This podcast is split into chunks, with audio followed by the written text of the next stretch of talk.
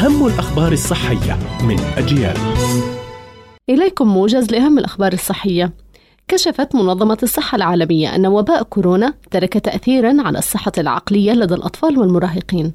وقالت المنظمة إن الوباء أثر بشكل كبير على الصحة العقلية للأطفال والمراهقين على مستوى العالم.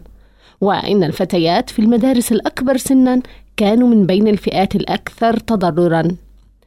يوصي خبراء التغذية بطهي البروكلي على البخار بدلا من المقلي أو المخبوز أو المسلوق ويساعد التبخير على الاحتفاظ بأكبر قدر ممكن من العناصر الغذائية بما يشمل فيتامين سي وحمض الفوليك ومضادات الأكسدة.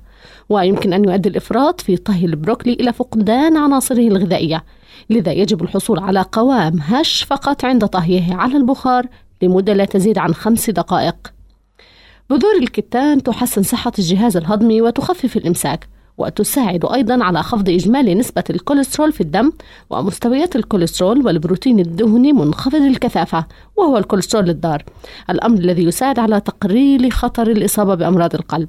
وينصح معظم خبراء التغذية ببذور الكتان المطحونة بدلا من الكاملة حيث أن الشكل المطحون يسهل هضمه فبذور الكتان الكاملة قد تمر خلال الأمعاء دون هضم. ما يعني أنك لن تحظى بكل فوائدها. كانت هذه أهم الأخبار الصحية. قرأتها رزانة طه. إلى اللقاء.